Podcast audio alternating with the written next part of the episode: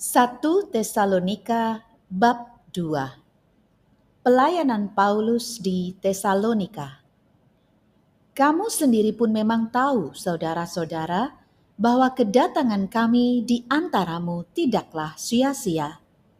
Tetapi sungguh pun kami sebelumnya, seperti kamu tahu, telah dianiaya dan dihina di Filipi. Namun dengan pertolongan Allah kita, kami beroleh keberanian untuk memberitakan Injil Allah kepada kamu dalam perjuangan yang berat. Sebab nasihat kami tidak lahir dari kesesatan atau dari maksud yang tidak murni dan juga tidak disertai tipu daya. Sebaliknya, karena Allah telah menganggap kami layak untuk mempercayakan Injil kepada kami, karena itulah kami berbicara bukan untuk menyukakan manusia, melainkan untuk menyukakan Allah yang menguji hati kita. Karena kami tidak pernah bermulut manis, hal itu kamu ketahui, dan tidak pernah mempunyai maksud loba yang tersembunyi. Allah adalah saksi. Juga tidak pernah kami mencari pujian dari manusia, baik dari kamu maupun dari orang-orang lain sekalipun kami dapat berbuat demikian sebagai rasul-rasul Kristus.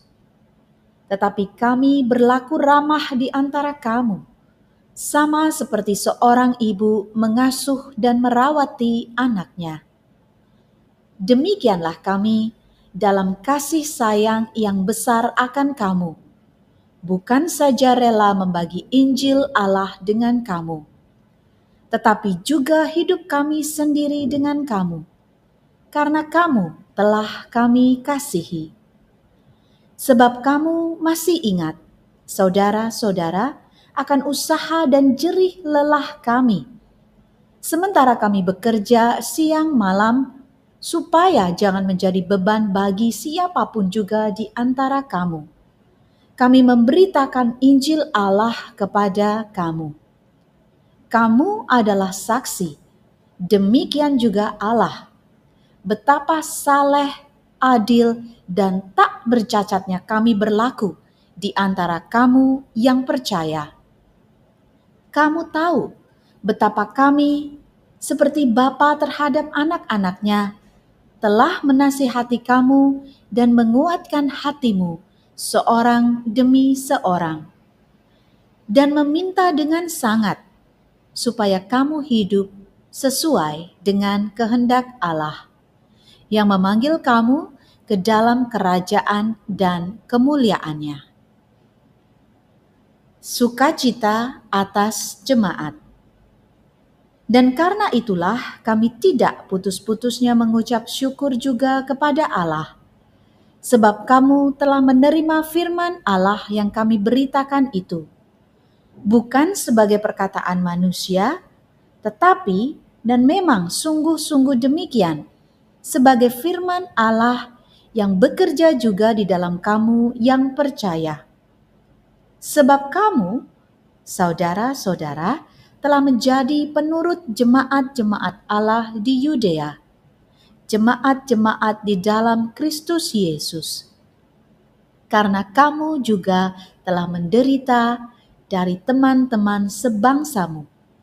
Segala sesuatu yang mereka derita dari orang-orang Yahudi.